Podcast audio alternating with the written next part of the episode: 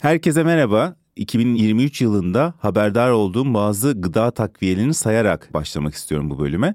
Glutatyon, kuarsetin, berberin, resveratrol, kurkumin, aşvaganda. Bunların böyle hepsini arka arkaya sıralayınca ne bunlar ya oluyor, nece konuşuyorsun diyor insan. Eskiden sadece C vitamini, D vitamini, demir gibi böyle temel vitamin ve minerallerle ilgilenirken son yıllarda artan sağlıklı yaşam trendiyle beraber e, herkes daha fazla öğrenmeye çalışıyor. Herkes kendi en iyi versiyonunu yaratma ve e, yaşama gayretinde. O yüzden de daha fazla sağlık, diyet ve bilim konuşuyoruz. Bu programda da biraz bunlardan bahsetmek istiyorum. Uzun yaşamak çok önemli ama kimse de kötü bir bedende acı çekerek uzun yaşamak istemiyor. Uzun ve sağlıklı yaşama bir arada hep düşünülen bir kavram. O yüzden de herkes kendine iyi bakmanın yollarını arıyor. Ve geçmişte bu konu belki sadece bir azınlığın birçok dünya ile ilgili dertlerini bitirmiş, arkada bırakmış bir azınlığın hedefiyken şimdi artık çok daha toplumda yaygınlaşan bir arayış haline geldi. Herkes daha sağlıklı, daha akıllı, daha genç bir versiyonu yaratmak istiyor ve bunun için de hem doğal yollara yollara çok başvuruyoruz hem de teknolojiden faydalanmak istiyoruz. Kendi bedenlerimiz üzerinde daha fazla kontrol sahibi olalım, bir şeyleri takip edelim, eksiklerimizi kapatalım, ne yapılması gerekiyorsa yapalım gibi böyle bir çaba içerisindeyiz. Ve günümüzün popüler isimlerine baktığımızda da benim son yıllarda takip ettiğim Mark Hyman, Andrew Huberman, David Sinclair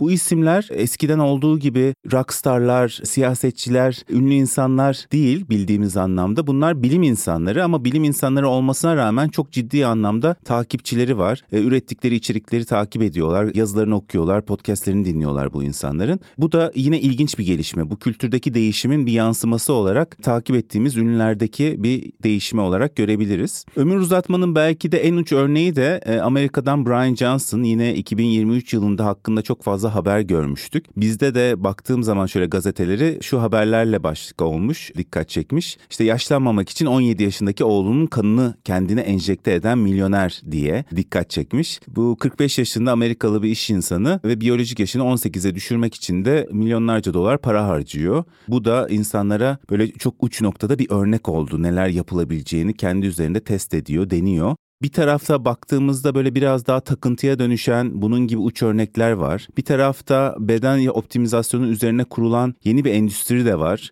Bu takviye gıdalarla, testlerle, detoks kamplarıyla, çeşitli çevresine kurulu yeni yeni iş modelleriyle çok büyük bir endüstri. Ama bir taraftan da çok insani bir ihtiyaç var ortada. O da daha iyi yaşamak. Yani bir taraftan da çok masum bir güdüden yola çıkıyor bunların hepsi. O yüzden de bu konuyu biraz daha tartışıp anlamak da istiyorum. Bugün yanımda Amerikan Hastanesi Fonksiyonel Tıp Bölümü Başkanı Doktor İrem Ergün var. Kendisiyle şöyle çok temel bazı sorulara cevap arayacağız. Yaşlanmak gerçekten bir hastalık mıdır? Uzun ve iyi yaşamın sırrı nedir? İyi yaşamak uğruna günde kaç tane gıda takviyesi almalıyız? En iyi versiyonumuza ulaşmak benim gibi böyle reklamcıların çıkardığı bir pazarlama söylemi mi yoksa gerçekten gerçekten de peşine düşülmesi gereken bir ideal mi? Hepsini birazdan konuşacağız.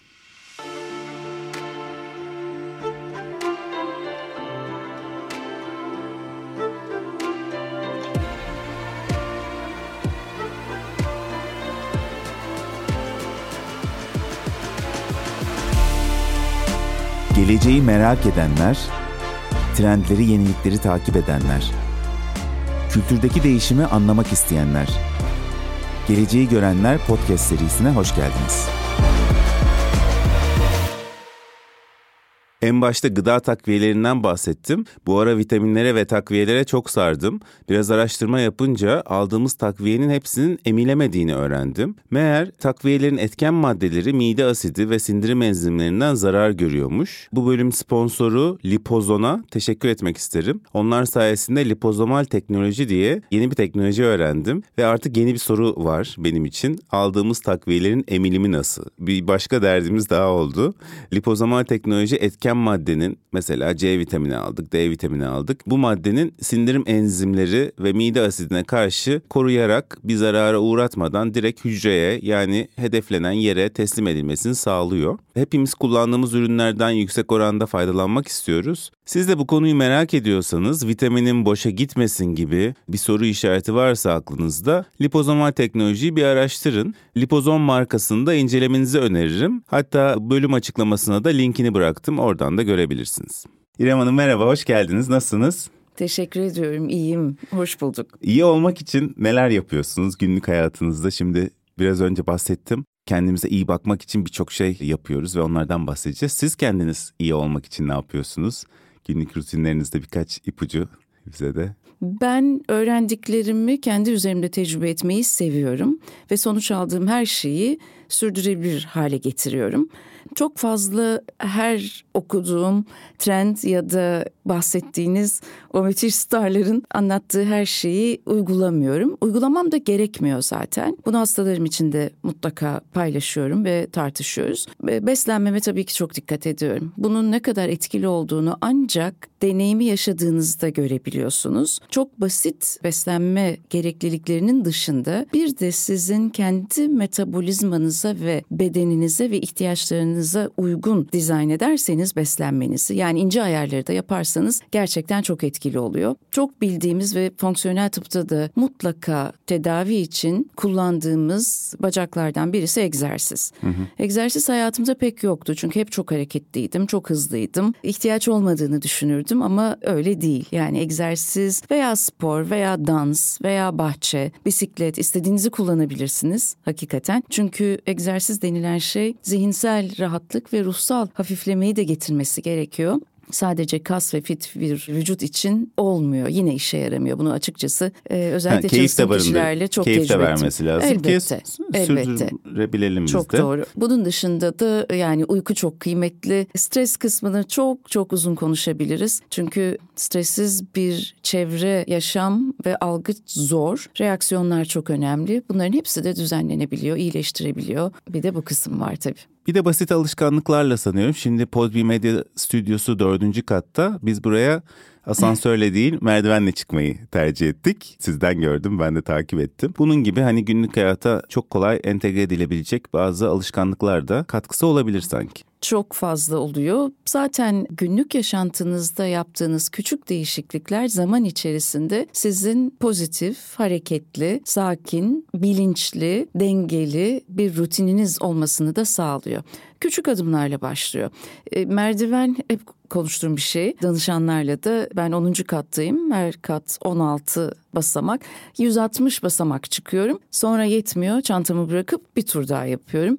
İnanın sıkı bir kardiyak performans arttırıcı bir çalışma oluyor. Şimdi sizin çalıştığınız alan fonksiyonel tıp. Fonksiyonel tıp ne demek? Genel tıptan farkı ne? Böyle en başta ben biraz kavramları netleştirerek de başlamayı tercih ediyorum. Herkesin kafasına otursun diye. Bir ondan bahseder misiniz? Tabii ki. Fonksiyonel tıp son 4 senedir Türkiye'de de çok ilgi çeker hale geldi. Amerika'da aslında 25-30 seneye yakın bir geçmişi var bu bakış açısının. Ee, buna bir yaklaşım değişikliği ve yeniden yorumlama diyebiliriz. E, sağlığı ve tüm hastayla kişiyle ilgili verileri. E, fonksiyonel tıp bütün rahatsızlıkların, şikayetlerin altında yatan kök nedeni bulmaya odaklanıyor. Çünkü genel yaklaşımımız yaşadığımız semptomları, şikayetleri ve hastalıkların getirdiği o bulguları mümkün olduğu kadar bastırabilmek ve onları daha az yaşamak. Konvansiyonel tıpta bakış açısı bu açıkçası. Bundan daha ötesi elbette bir kaza, ameliyat gerektirecek bir durum, kırık vesaire varsa elbette onları bildiğimiz en doğru yöntemlerle çözmek zorundayız. Ama kronik hastalıklarda açıkçası istediğimiz sonuca ulaşamıyoruz. Bizim en çok ilgilendiğimiz kronik ve komplike hastalıklar üzerinde duruyoruz. Bunları çözerken de kişinin tüm yaşamını ve alışkanlıklarını inceliyoruz. Yıllarca yaşadığı sağlık sorunlarını tetikleyen neler var? Bunlara zemin hazırlayan neler var? Aile öyküsünde tabii ki genetik faktörler çok önemli. Aile öyküsünde kişiyi o noktaya götüren neler var? Bunları mutlaka inceliyoruz. Psikolojik tarafı da mı var bunun? Psikolojik tarafı hemen hemen her şeyin çok var. Ve sizin alanınızda da var. Fonksiyonel tıpta 5 yaşam şeklini ve 6 tane birbiriyle sürekli iletişimde olan biyolojik sistemi inceliyoruz. Hmm.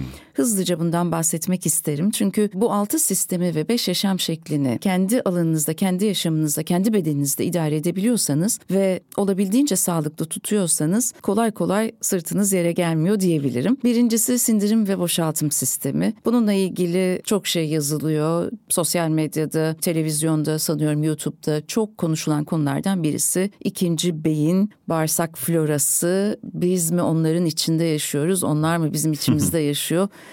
gerçekten önemli bir soru. Çok ciddi bir bakteri e, sadece bakteri değil virüs, mantar, küf ve parazit grubuyla böyle bir şeyle yaşıyoruz ekosistemle. Yaklaşık 2-1,5-2 kiloya yakın bir e, mikroorganizma ile birlikte yaşıyoruz. Tabii ki bunların kendi yaşamını sürdürmesi için bizden kullanıyorlar besinlerini, enerjiyi ve daha sonra da bizim nasıl dünyaya bir sürü artık bırakıyorsak onlar da kendi bedenimizde bize bir takım artıklar bırakıyorlar ve bunlar sistemimizi ya iyiye götürüyor, destekliyor ya da e, maalesef istenmeyen sonuçlara sebep oluyor. Dolayısıyla sindirim ve boşaltım çok çok önemli. İkinci sistem onarım, bağışıklık ve onarım sistemi. İsminden de anlaşılacağı gibi bu sistem bağışıklık sistemi çok kıymetli. Bunu son 3 senelik bu Covid döneminde de çok net ve detaylı yaşadık. Enerji üretimi çok önemli çünkü bunun için varız. Yani sistemde e, en önemli şey enerji. Enerji olmadıkça yaşam yok. Bizim için de en küçük birim olan vücudumuzdaki hücre içindeki en küçük birim organel mitokondri içindeki enerji üretimi. Bunun için yeterli yakıtı ve kaynağı var mı kişinin ve iyi çalışıyor mu? Bunu inceliyoruz. Şahane enerji ürettiniz ama her ne üretirsek üretelim yani bir tencere yemek yapalım orada bir sürü atık var yine. Bunların çok iyi bertaraf edilmesi gerekiyor. İşinize yaramayanları ve çöplerinizi iyi temizlemeniz gerekiyor. Vücutta bütün yediğimiz, soluduğumuz hatta düşündüğümüz her duygunun bile dönüştürülmesi ve atılması gerekiyor. Her şeyi dönüştürüp atamazsak patlarız kesinlikle. Dolayısıyla bu dönüşüm ve detoksifikasyon atma mekanizmaları çok çok önemli. Dolaşım sistemi elbette. Yani harika besleniyorsunuz, çok iyi dönüştürüyorsunuz ama bunun parmak ucuna kadar tüm sistemin içinde çok iyi dolaşması, iyi bir devir daim lazım vücutta. Hem kan hem lenf dolaşımı hem de metabolizma çok kıymetli. Bunu gözden geçiriyoruz. Bir sonraki yine fonksiyonel tıpta aslında çok konuşulan ve Bence özellikle kadın hastalarımız başta olmak üzere bir bilinçlenmenin de yaratıldığı önemli bir konu hormonlar. E, çünkü hormonlar bir iletişim sistemi yani hormonal sistem vücutta mesajların iletildiği çok önemli bir sistem. Hormonlar da yaşam şeklimizden, toksinlerden, duygusal hayatımızdan çok ciddi etkileniyor ve giderek hormonal dengesizlikleri en genç yaştan itibaren görüyoruz. Dolayısıyla bu da bizim merceğimizde, bizim incelediğimiz sistemlerden bir tanesi.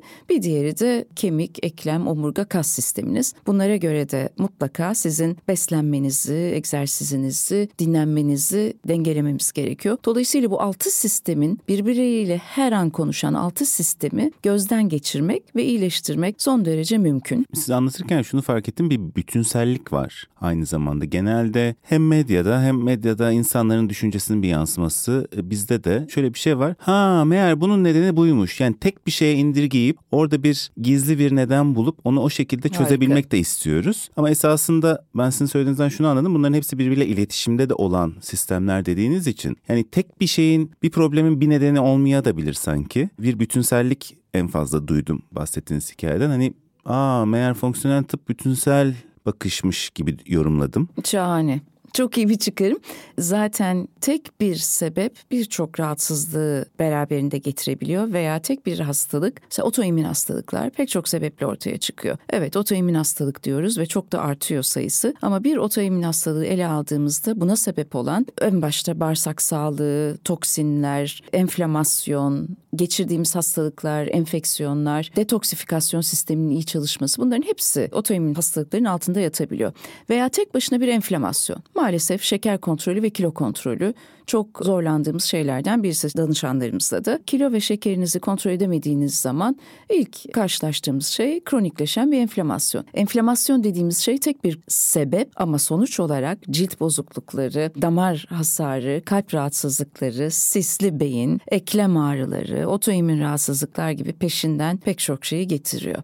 O yüzden bütün olarak bakmak çok önemli. Ama benim kişisel olarak fonksiyonel tıp pratiğindeki yaklaşımım daha da bütünsel. Hı. Çünkü aslında yaşamımızda sağlığımızla ilgili üç şey önemli. Sağlığımız ve yaşam süremizle ilgili. Şu andaki bilimsel çalışmalar ve elimizdeki bilgilerle genler, çevresel faktörler ve yaşam şekli. Bu üç sacaya diyebiliriz. Bu üçü bizi drive ediyor ya da yaşamda karşılaşacağımız sağlık problemlerini belirliyor. Dolayısıyla çevresel faktörler, genetik evet. Eğer içinden çıkamadığımız sorunlar olduğunda genetik yatkınlıkları ya da genetik mutasyonları mutlaka hastada inceliyoruz. Bu apayrı bir konu. Bunu ama kişisel olarak müdahale edemeyiz. Sadece farkına varabiliriz. Farkına vardığımız zaman tabii ki değişiklikler, yaşam şekli değişiklikleri yapıyoruz. Hayır, yaşa, üç, üç ayakta yani yaşam Evet. şekli ve çevresel faktöre Faktörler. bir yere kadar. Kesinlikle En fazla yapabiliriz. yaşam şekli üzerinde herhalde kendi etkimiz var. Sonra çevresel faktörler genetikte herhalde daha Evet, az. genetiğin etkisi zaten şu andaki bilgilerimizde yeniden genler üzerine mutlaka çok çalışmalar yapılıyor ve yapılacak. Ama en büyük proje insan genom projesi tamamlandıktan sonra ortaya çıkan 20-22 bin civarında gen, genlerimiz oldu ve bunların da tüm yaşam boyu başımıza gelenlerle ilişkisinin %20 civarında oldu. Yani %80 yaşam şeklimiz ve çevresel faktörler. Geçmişte genetiğin çok büyük bir etkisi olduğu düşünülüyordu. Zaman içerisinde bilim o araştırmalarını tamamlayarak onun etkisinin daha az olduğunu fark etmiş olduk. Evet, epigenetik diye yeni bir e, bilim ortaya çıktı ve bence olağanüstü. Yani epigenetik çok kısaca yaşam şeklini değiştir, genlerin değişsin. Bunu anlatıyor. Epigenetik faktörler çok önemli. Aslında yaşam şekli ve epigenetik faktörlerde çevresel faktörler çok devreye giriyor.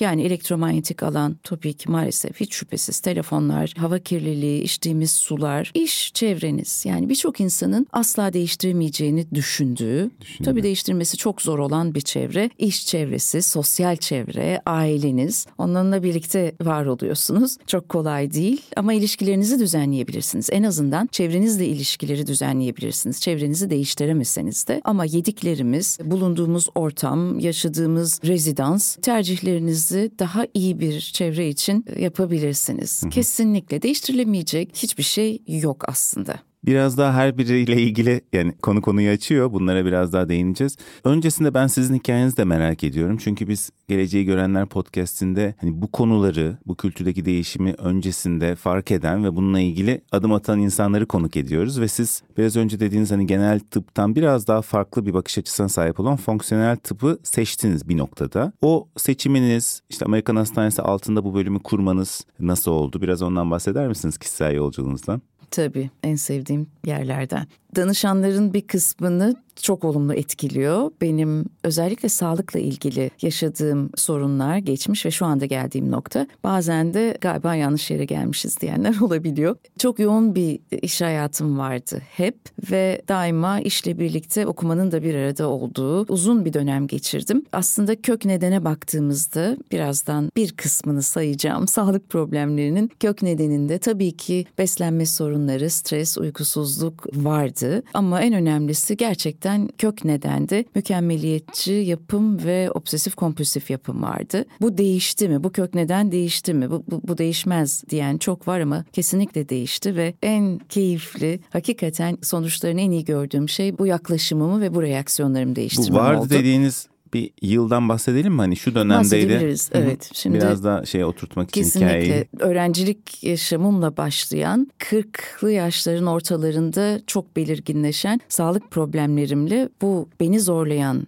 kişilik özellikleri de diyebiliriz. Obsesif kompulsif ve evet bu mükemmeliyetçi yapı 40'ların başına kadar sürdü diyebilirim. Çünkü iki mide kanaması, 9 endoskopi, 4 ayak bileği kırığı, safra kesesi ameliyatı, 15 yıl migren tedavisi gibi ve fibromiyalji birçok insanın başına dert. Özellikle kadınlarda tabii ki daha çok görüyoruz. Fibromiyalji de çok ciddi bir sağlık problemiydi benim için. Ee, Çok geçmiş olsun. teşekkür ediyorum. Bunların, evet arka arkaya sıralayınca. bunlar sıfırlandı diyebilirim. Tamamen fonksiyonel tıpla ve benim hakikaten homeopati, osteopati, kayropraksi, diğer tedavi yöntemleri, akupunktur, tamamlayıcı diyebileceğimiz tedavi yöntemlerinin hemen hemen hepsini denedim. Bunlarla ilgili deneyimim olması da benim için büyük bir şans. Hepsinin etkilerini ve nereye kadar yettiğini açıkçası tecrübe ettim. Ama fonksiyonel tıp tamamen değiştirdi. Hı hı. Yani hepsini gördükten sonra Evet. bu alanda da çalışmaya karar evet, verdiniz. Evet, fonksiyonel tıbbı 2016'da duydum ve araştırmaya başladım ve Mark Hyman'la o zaman tanıştım. Ve açıkçası benim yapmam gereken iş bu dedim. Yani kendim için de pratik olarak da ben bir fonksiyonel tıp uygulayıcısı olmak istiyorum diye karar verdim. Çünkü beni inanılmaz çekti yaklaşımı. Sonra Cleveland'da bir ay Mark Hyman'la çalıştım 2017'de. Bu benim için çok keyifli ve çok çok önemli bir tecrübeydi. Sonrasında da hemen Amerika'daki eğitimler başladı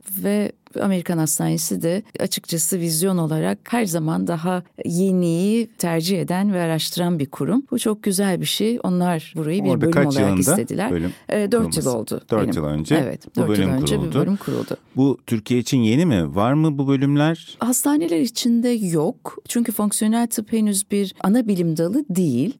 Ben de orada fonksiyonel tıp hekimi olarak değil, düz hekim olarak çalışıyorum ama yaklaşım olarak pratiğimiz fonksiyonel tıp yaklaşımı üzerine. Bir diyet uzman diyetisyenimiz, yaşam koçumuz ve asistanımızda dört kişilik bir ekibimiz var.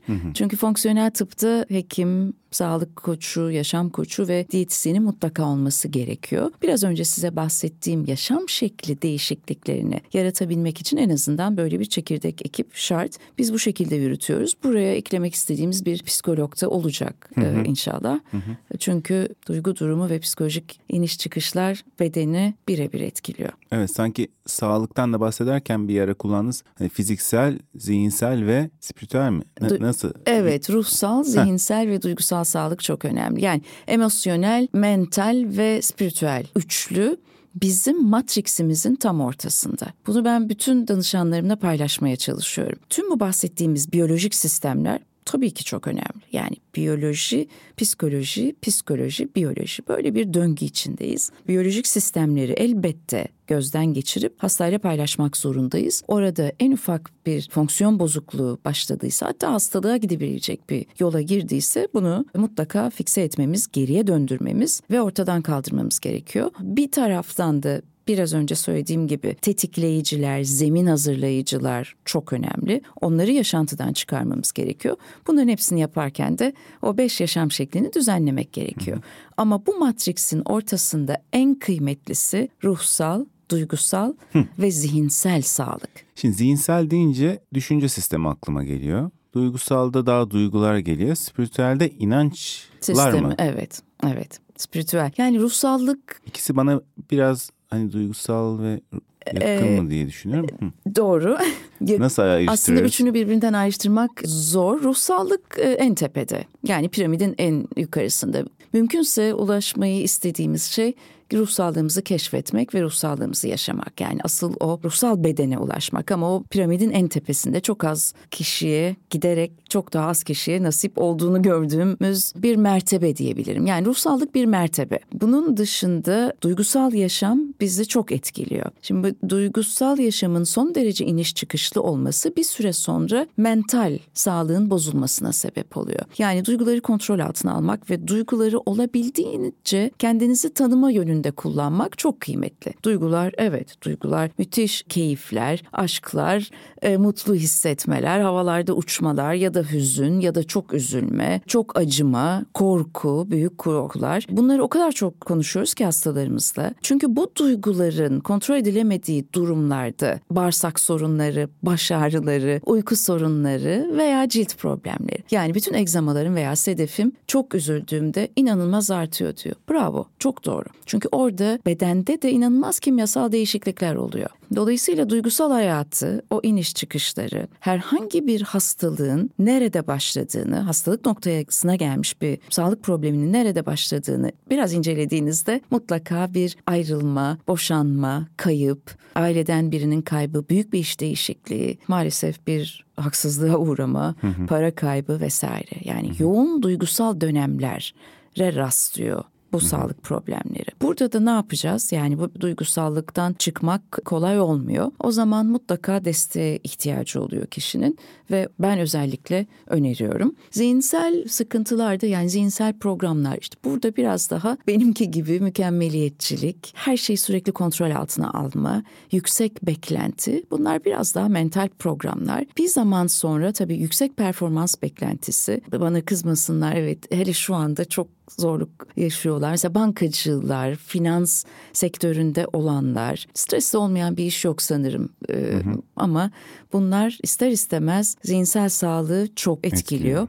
Bu ikisi duygular ve kafanızdaki kurgularla boğuştuğunuzda zaten ruhsallığınızı keşfetme ve o mertebeye çıkmak çok zor oluyor. Beden problemleri, kafa karışıklıkları, bedenin getirdiği yani e, fiziksel sorunların, vitamin mineral eksiklikleri, sızdıran bağırsaklar vesaire bedensel sorunlar sisli beyin derken sızdıran beyin derken zihinsel sıkıntıları daha çok algı bozukluğu, odaklanamama, hatırlamada zorluk, öğrenmede güçlük gibi zihinsel problemleri de sebep oluyor.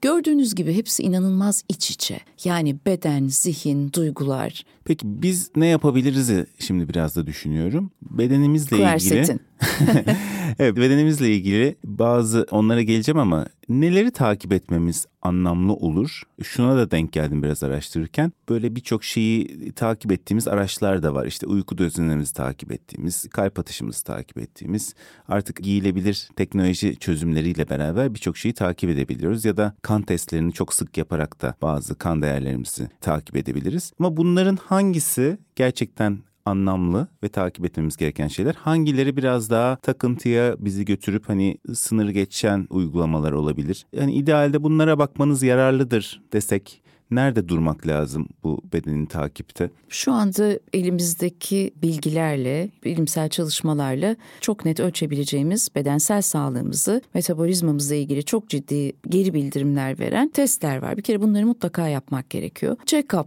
aslında yıllardır bilinen bir şeydir. Ee, check-up kapsamı hala çok kısıtlı. Tabii ki finansal sebeplerden. Bizim fonksiyonel tıpta takip ettiğimiz belli parametreler var. Kan ve idrar tahlilleri var. Bunlar çok önemli. Senede bir kez aslında 6 ayda bir yapılmasını çok daha uygun bulduğumuz kan testlerimiz var. Bunların başında herkese her zaman önerdiğimiz şey nereyi açsanız karşınıza çıkan şey şeker kan hmm, şekeri hmm, düzeyi, hmm. insülin direnci ve şeker metabolizmanız. Çünkü vücudun belki de 7-24 en çok enerji harcadığı şey kan şekerini belli bir düzeyde tutmak. Hı İnanılmaz bir efor harcıyor bunun için vücut ve kan şekerini hakikaten yükseltmeden bir pik yapmadan gün boyunca sağlıklı düzeylerde tutabilmek sağlığın en önemli göstergelerinden hı, bir tanesi. Hı. Ama şekeri belli düzeyde tutmak için de doğru bir insülin dengesinin olması gerekiyor. İnsülin şekerimizi regüle eden, şekerin hücre içine alınarak kullanılmasını sağlayan pankreastan salgılanan hormonumuz. İnsülinle birlikte ancak insülin direncini de hesaplayabiliyoruz. Dolayısıyla belli aralıklarla kan şekeri, insülin düzeyi, ortalama 3 aylık kan şekerinin ölçülmesi çok kıymetli. Bunu ama kendimiz yapabileceğimiz bir şey değil. Yine bir Laboratuvar laboratuvarda test. yapılması evet, gereken mutlaka. bir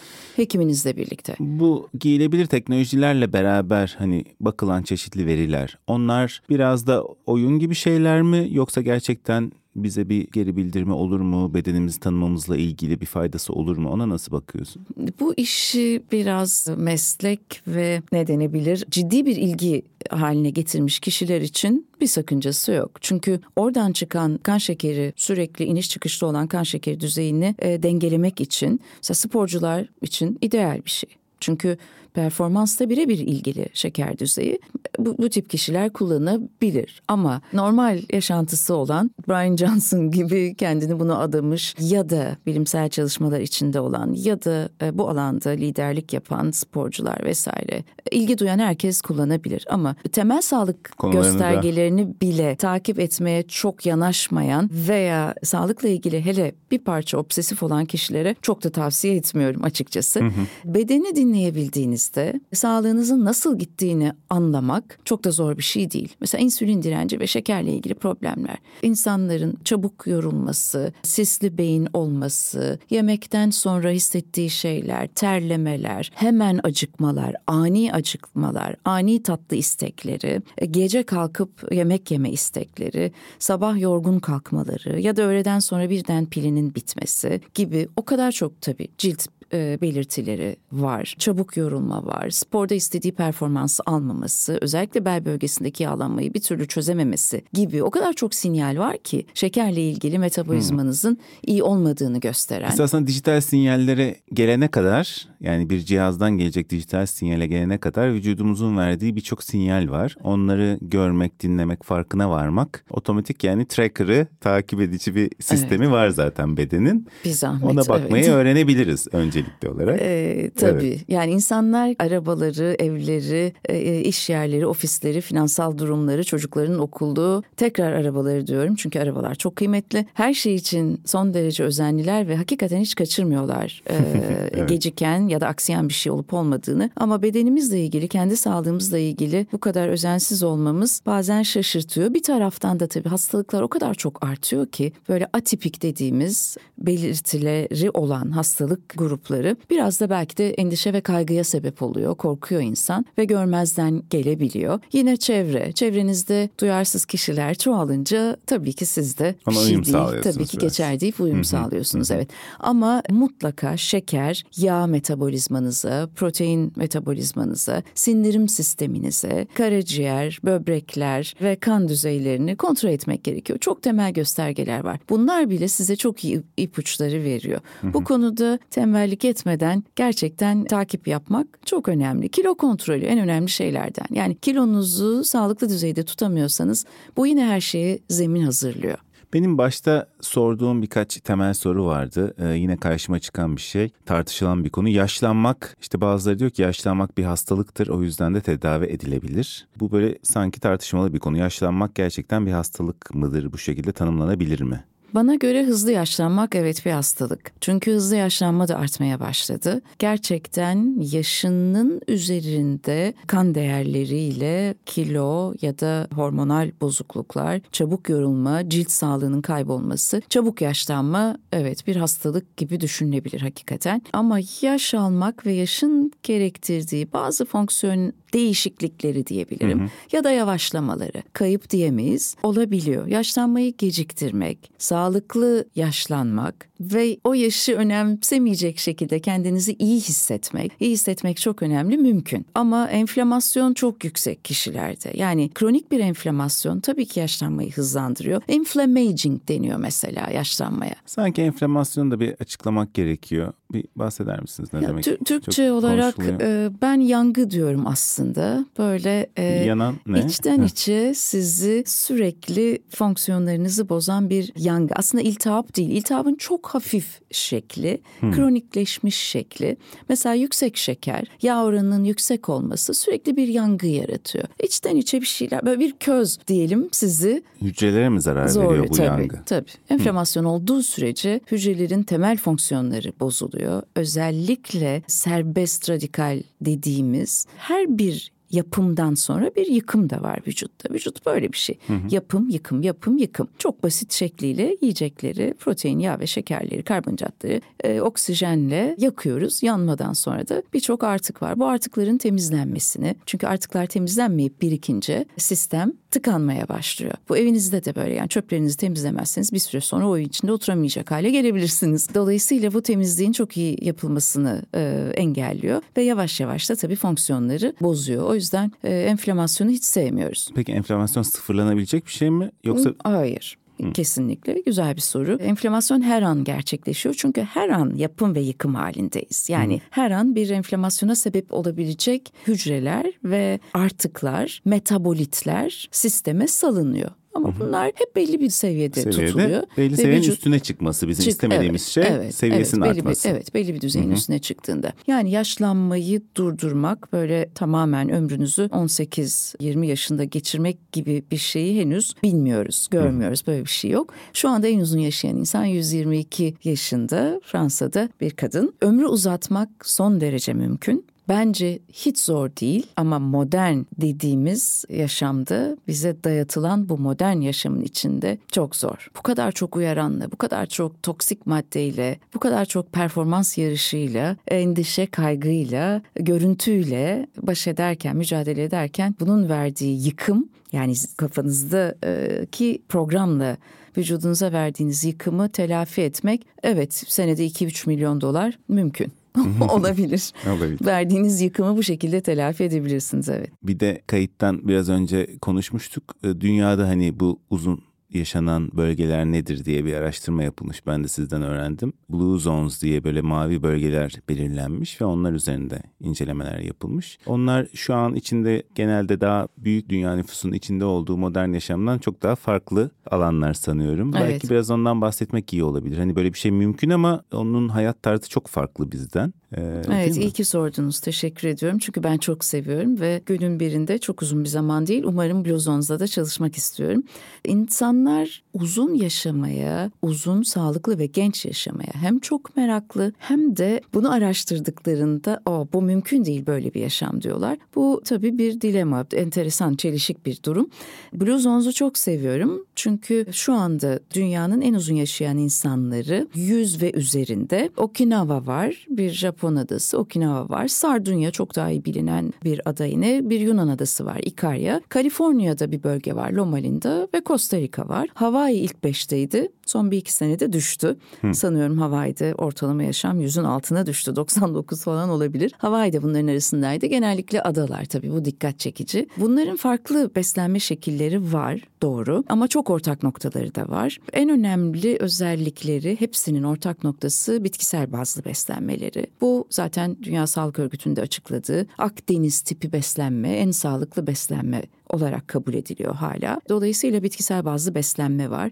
Çok hareket var. Hareket bildiğimiz ağırlıklar, pilatesler vesaire değil. Çok güzel. Bu arada onlarla ilgili herhangi bir eleştirel bir şey söylemiyorum asla. Ama bedenin her yerinin çalıştığı işler ve bisiklete binmek, evinizi boyamak, ev işinizi yapmak, bahçeyle uğraşmak, hayvanlarınızı gezdirmek, arkadaşlarınızla buluşup yüzmek veya onların evinin işlerine yardım etmek gibi. Biraz daha tabii ada hayatı var buralarda. Ama Mark Hyman'la da Mark'la da bunu çok tartıştık gerçekten. Çünkü o bölgeleri gezdi ve e, son kitabında da bu bölgelerden özellikle bahsetti. Ona da sordum acaba ilaç kullanıyorlar mı, takviye kullanıyorlar mı? Sabahları böyle müthiş e, kereviz sularıyla mı başlıyorlar falan diye.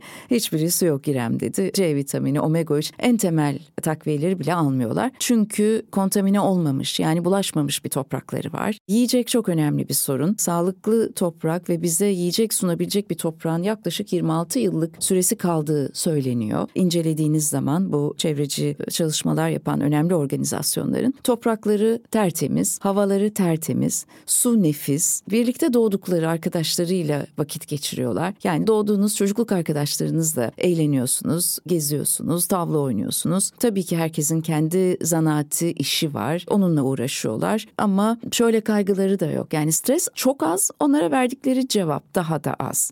En büyük stres kaynaklarından birisi Blue Zones'lar hep böyle konuşur. Keçi kaçıyor mesela. Keçilerin kaçırdıkları zaman biraz canları sıkılıyor. Güzel besleniyorlar. İnanç sistemleri son derece kuvvetli bir sistem, yaradan, bir evren arada meditasyon niteliğinde sohbet ediyorlar yukarısıyla. Oradan sahip olduklarıyla son derece memnunlar. Sahip olmadıkları hiçbir şey için endişe kaygıları yok. 30 sene aynı ayakkabıyı giyiyorum diyor. Yani çok farklı bir evet. yaşam şekli Peki. ama çok insancı. Çok güzel ve bu insanlar mutlu mu peki İrem Hanım diye bana soruyorlar. Resimlerini gösteriyorum Blue Zones'tan. Çok mutlular. İnanılmaz pırıl pırıl bir yüzleri ve zihinleri var. Anlattıkları espri anlayışları bizden çok daha iyi.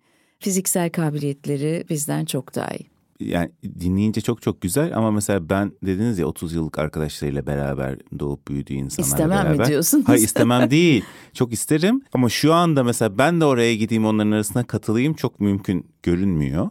Ama biz oradan ne öğrenebiliriz? Yani şu anda ben onu burada yaratayım mı da diyemiyorum. Bazı şeyleri mi örnek alalım? Yani bu, Kesinlikle bu, bu, alabiliriz. Totalini değil ama bazı yönlerini mi alabiliriz? Buna bakışımız nasıl olmalı şimdi? Danışanlarımdan da var. İkarya'ya, Sardunya'ya gidiyorlar. Çünkü ha, bu tatil merak... için yani görmek için, seyahat için gidilebilir ee, ama... Şimdi longevity artık longevity diye Türkçe'ye de geçti neredeyse. Çok çok yükselen bir konu. Çok konuşuluyor uzun yaşamak. Yani sadece bunun için başvuran hastalarımız var fonksiyonel tıbbada. 100 yaşına kadar yaşamak istiyorum diye. Dolayısıyla böyle bir ilgi varken o bölgeleri gezenler de var. Ama şöyle oluyor iki günde bütün adayı turluyorlar. Bütün peynirler yeniyor. En güzel şaraplar içiniyor iki günde falan. Döndüklerinde de soruyorum peki nasıl gördünüz İkarya, Sardunya, dünyanın en uzun yaşayan insanları? Yavaşlayacaksınız İrem Hanım diyorlar okey ama siz iki günde e, tavaf ettiniz evet adayı gibi yavaşlamak. Bunu biliyorsunuz mutlaka her sektörde karşımıza çıkan şeylerden bir tanesi. Zaten kaynaklarımız için yavaşlamak zorundayız. Daha az tüketmek zorundayız. Sadeleşmek ve yavaşlamak. Biraz daha ruhsallığa önem vermek. Kesinlikle bitkisel bazlı beslenmek hareket etmek, daha az yemek, daha çok hareket etmek.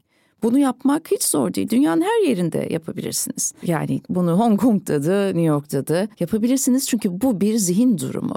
Ama önce bunu anlamak gerekiyor. Yani görmek, anlamak, bu bilinç seviyesine çıkmak gerekiyor. Bunların hepsi mertebe. Önemli olan bu buralarda bilinç seviyelerinde yükselmek. Bunların hepsi çok kolay. Daha çok hareket etmek, daha az yemek, biraz daha fazla uyumak, biraz daha dostlarla birlikte olmak, bitkisel bazlı beslenmek ve dediğim gibi yavaşlamak ve sadeleşmek. Bir de yine en başta sorduğum sorularda bu en iyi versiyonumuz olmak kavramı var. Bu kavram çok duyduğumuz ve son yıllarda daha çok duyduğumuz bir kavram.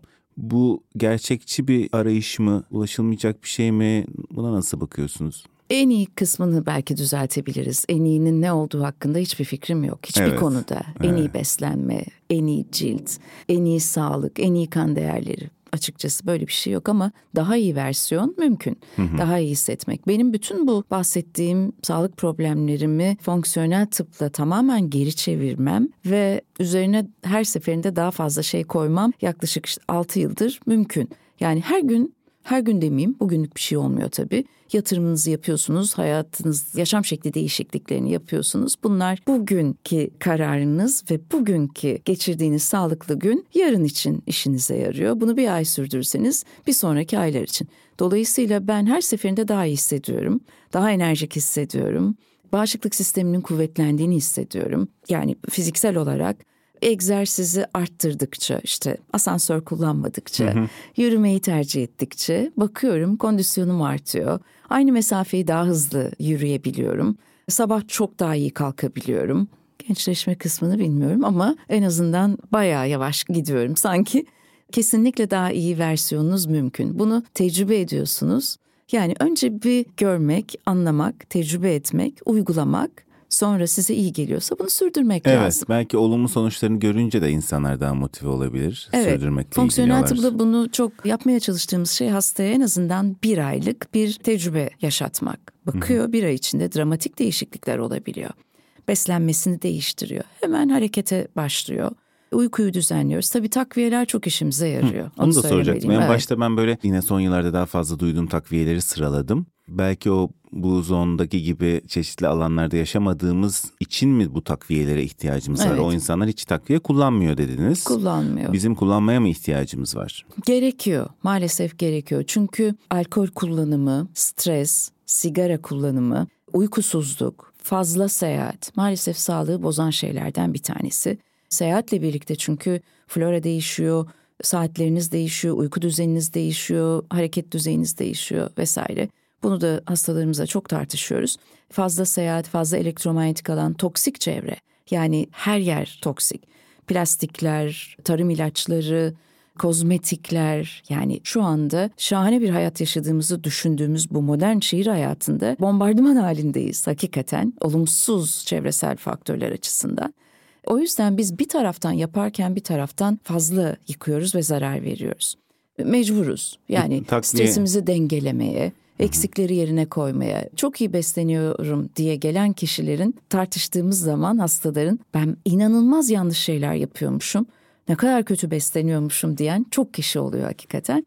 Ve yiyeceklerde de maalesef istediğimiz kadar alamıyoruz. Yani ben 53 yaşındayım diyelim 40-45 sene önce çocukluğumda hatırladığım hiçbir yiyecek kokusunu şu anda bulamıyorum. Yani beş duyu çok önemli. Beş duyuyu daima hizmet etmek zorundasınız. Yiyeceklerin ne kokusu ne de lezzeti var eskisi gibi.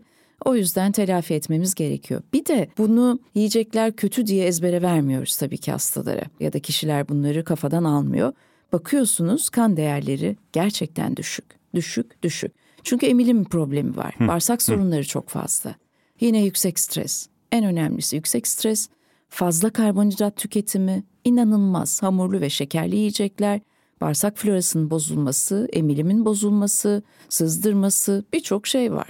Peki emilim yeterli değilse ben ne kadar gıda takviyesi alsam da hani onlar emilmeyecek gibi mi düşünürüm? zaten öyle oluyor. Bu kadar çok takviye alıyorum. Niye bu değerlerim düzelmiyor diyor. Çünkü bağırsaklarla ilgili sorunlar giderilmemiş. Bizim her zaman size sistemlerin başında da söyledim. Altı sistemin başında sindirim ve boşaltım sistemi var. Yani hiçbir şey yapmasak kendimi çok iyi hissediyorum. Sadece fikir almaya geldim diyen hasta için bile ya da danışan için bile bağırsak sistemini gözden geçiriyoruz. Mutlaka orada daha iyi ne yapabilirsek yapıyoruz. Yani bağırsakları iyileştirmek çok önemli. Bazen de yetersiz alıyor. Beslenmede yetersiz oluyor. Yani hem yiyeceklerle hem de takviyelerle destekliyoruz. 3 ay ile 6 ay arası kullanıyoruz.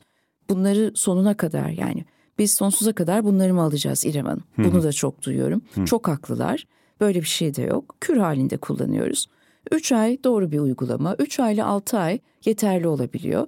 6 aydan sonra tekrar ölçüm yapıyorsunuz. Değerleriniz yerine gelmiş, eksikleri, boşlukları doldurmuşsunuz, daha iyi hissediyorsunuz. Bundan sonra kullanmaya gerek olmuyor.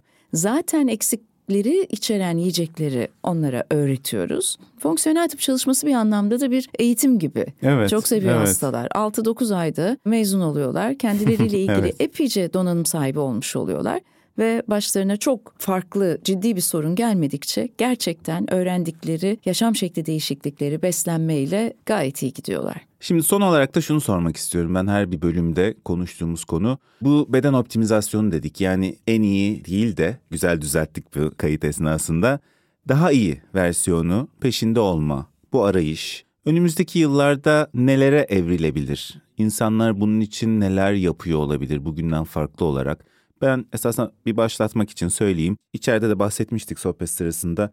Hani daha küçük bir kitlenin ilgi alanı iken bu gitgide bu bilinçte yaygınlaşıyor ve belki toplumun her kesiminde bu daha iyi bir versiyonu olabilirim, daha sağlıklı olabilirim, daha uzun yaşayabilirim düşüncesi yaygınlaşabilir. Gelecekte ne olabilir dediğimiz zaman belki şu anda bunun için belli bir gelir ayırmak da gerekebiliyor. Ama bilgilerin de daha yaygınlaşması, herkesin ulaşabilmesi de daha fazla insanın bundan faydalanmasını getirebilir. Olumlu olarak baktığım zaman bunu görüyorum. Belki takıntı tarafında da takıntılar da artabilir gibi hissettim tüm konuşmadan. Örneklere de baktığımız zaman bir tarafta o da obsesyon tarafı da gelişebilir ne yazık ki. Gelişiyor zaten evet. Daha iyi versiyon herkesin kendine göre bir durum aslında. Buradaki en önemli şey daha iyi, daha sağlıklı, daha enerjik, daha yaşamdan tatmin alan, daha anlamlı bir hayat yaşayan Şimdi daha iyi versiyonda her şeyi koyabilirsiniz. Benim için daha iyi versiyon daha anlamlı ve tatmin olan bir yaşam. Yani ne anladığımız bu yaşamdan. Ama kimisi için daha iyi versiyon tamamen daha fit olma, mükemmel ölçülerde bir fiziğe sahip olma gibi. Şimdi bu e, iyi versiyon ya da daha güzel ya da daha fit olma durumu olağanüstü bir estetik operasyonlar zincirine, uygulamalara dönüştü. Çok garip şekilde yani Türkiye'de çok şükür böyle şeyler daha az ama biliyorsunuz özellikle Amerika'da bayağı garip ameliyatlar yaparak tamamen bambaşka bir insana dönen kişiler var. Tüm anatomiyi neredeyse baştan yaratıyor. Böyle şeyler var. Bunlar son derece sağlıksız olanlar. Bir 18 yaşına dönmek gibi ya da 20 yaşında kalmak gibi durumlar. Bunlar çok uç noktalar. Anekdotal tabii vakalar diyelim. Ama her zaman daha iyi olmak mümkün. Daha iyi hissetmek, daha sağlıklı olmak, daha iyi olmak, daha parlak bir zihne sahip olmak diyelim mümkün. Bunun için yapılacak şey de çok. Yani takviyeler de bunun içinde, belki IV tedaviler de var, farklı uygulamalar var. Ee, oda- odaklanabilmek için. ne evet, damar tedavi? damardan yapılan tedaviler Takviyeler. var. Evet, işte en e, yoğun kullanılan glutatyon. Bunun dışında tabii zihinsel performansı arttıran, travmaları ortadan kaldırmaya yarayan böyle beyne takılan cihazlarla çok önemli tedavi yöntemleri var. Saykedelikler var son dönemde çok konuşulan ve çok sevilen. Ama e, şunu söylemek istiyorum. Ya bunların hepsi için daha iyi versiyonunuz için, kendinizi daha iyi hissetmeniz için önce kabayı almak zorundasınız. Yani kaba pisliğin üzerine dekore edilmiş bir evde bir anlamı yok. Yani önce ne yapıp edip kilonuzu aynı düzeyde tutacaksınız. Yani sağlıklı bir kiloya sahip olacaksınız. İyi besleneceksiniz. Kesinlikle hareket edeceksiniz. Nasılsa en sevdiğiniz hareketli yaşam nasılsa mutlaka uyuyacaksınız. Bunu ciddiye hala almıyor insanlar. Yaşam uykuyla mı geçecek? Neredeyse yarısı. Sen bilirsin. Ta- evet geçecek. İstersen uykuda geçirme. Çünkü uykuyla ilgili çalışmalar ve uykunun tüm sisteme etkisi üzerinde çok çalışılıyor. Ve tabii ki algınızı değiştireceksiniz bu yaşamla ilgili. Algınızı değiştirip reaksiyonlarınızı değiştireceksiniz. Bunları yapmadan istediğiniz iksirleri alın. Ee, olağanüstü şeyler. Arkada işleyen program sizin yaşama bakış açınız ve zihinsel programınız geride işleyen program her zaman çıktığı değiştirecek yani.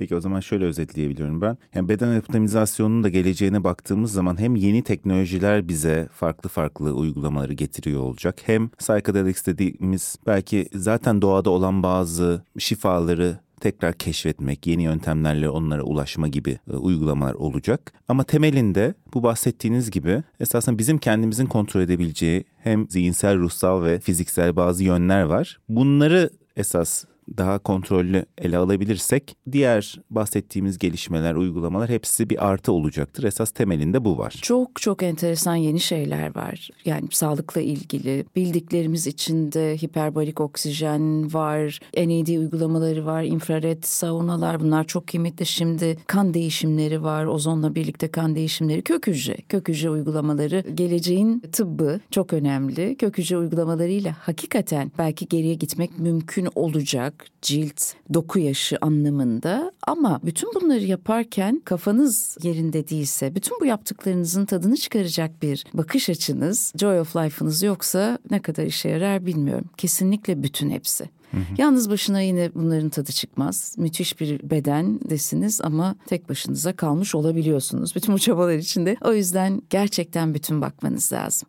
Bütüne de, beraber evet, olmanız. Toygun Bey, bütüne de sevdikleriniz, aile bunları zaten katıyorum çevresel faktörlerinizi ama bütüne dünyayı da katınız lütfen. Yani evreni, sistemi ve dünyayı. Çünkü kalmıyor yiyecek, hava ve su çok temel şeylerle ilgili ciddi sıkıntımız var. Enerji üretimiyle ilgili ciddi sıkıntı var. O yüzden çok az kişi belki de bu yöntemlerin tadını çıkarabilecek. Çünkü yetmeyecek. 100 sene yaşamak yerine dünyayı 100 sene yaşanabilecek bir yer haline getirmek için çabalamak size o 100 seneyi de unutturur. Daha iyi versiyonu da unutturur.